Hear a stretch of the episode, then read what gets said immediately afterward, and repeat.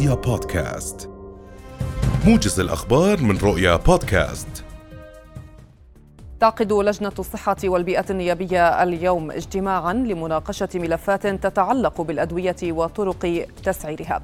وطلب رئيس اللجنة الدكتور تيسير كريشان في وقت سابق المؤسسة العامة للغذاء والدواء الكشف عن آلية تسعير الأدوية وأسباب ارتفاع أسعارها في الأردن مقارنة مع دول الجوار. موضحا أن بعض الأدوية تباع في السوق المحلية بقيمة 40 دينارا ولا تتجاوز قيمتها في دول أخرى الستة دنانير. قال الناطق باسم وزارة التعليم العالي والبحث العلمي مدير وحدة القبول الموحد مهند الخطيب.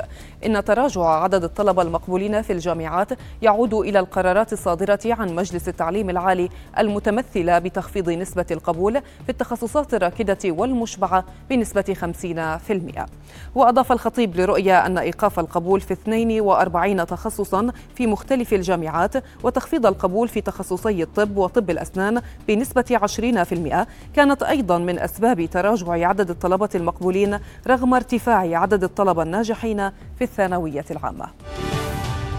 عممت وزارة التربية والتعليم على جميع مديريات ومدراء المدارس الحكومية بعدم استيفاء التبرعات المدرسية وأثمان الكتب المدرسية من الطلبة العرب الحاصلين على وثيقة اللجوء. وشددت الوزارة على أهمية تنفيذ التعميم بعد التأكد من وثيقة اللجوء الصادرة من المفوضية السامية للأمم المتحدة لشؤون اللاجئين. أكدت المؤسسة العامة للغذاء والدواء اتخاذها كافة الإجراءات للتأكد من سلامة ومأمونية المنتجات الغذائية القادمة من سوريا إلى المملكة وخلوها من جرثومة الكوليرا وذلك بالتشاركية مع الجهات المعنية بهذا الخصوص. وأضافت المؤسسة أنها واستمرارا لدورها في ضمان مأمونية وسلامة المنتجات الغذائية الواردة للمملكة فإنها تجري الفحوصات اللازمة للتأكد من سلامة هذه المنتجات من خلال العينات التي ترسل للمؤسسة من قبل وزارة الزراعة كونها الجهة المختصة بالخضار والفواكه.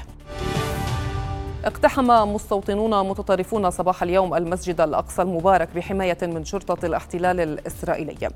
وأدى المستوطنون طقوسا تلمودية ونفذوا جولات استفزازية في باحات الأقصى. وتتزامن هذه الاقتحامات الواسعة مع اليوم الأول لما يسمى بعيد العرش اليهودي حيث انطلقت دعوات من منظمات الهيكل المزعوم لاقتحامات واسعة للأقصى خلال هذا العيد. أبلغ الوسيط الأمريكي أموس هوكشتاين الرئيس اللبناني ميشيل عون أنه سيرسل الصيغة النهائية للاقتراح المتعلق بترسيم الحدود البحرية الجنوبية في قادم الساعات وفقا لبيان صادر عن مكتب الإعلام في الرئاسة اللبنانية. وبحسب البيان فإن الوسيط الأمريكي قد أطلع عون خلال اتصال هاتفي على نتائج الجولات الأخيرة للاتصالات مع الجانبين اللبناني والإسرائيلي وتم خلالها دراسة الملاحظات المقدمة من الطرفين.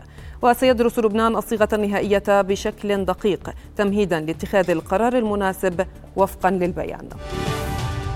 سقط عدد من القتلى والجرحى جراء قصف استهدف العاصمة الأوكرانية كييف صباح اليوم وذلك في أعقاب تفجير جسر القرم الذي اتهم رئيس الروسي فلاديمير بوتين استخبارات أوكرانيا بالوقوف وراءه.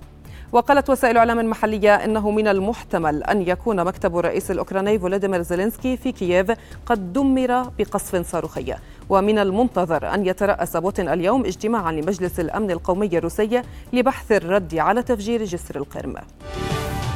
كشفت كوريا الشمالية أنها أجرت محاكاة لضربات نووية تكتيكية في الأسبوعين الماضيين تحت إشراف زعيمها كيم جونغ أون وذلك في رد على التهديد العسكري الذي قالت كوريا إن الولايات المتحدة وحلفائها يمثلونه.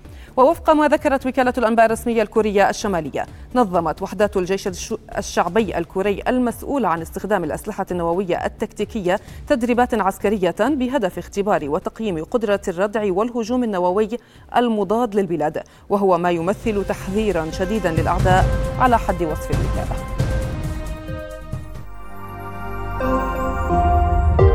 رؤيا بودكاست.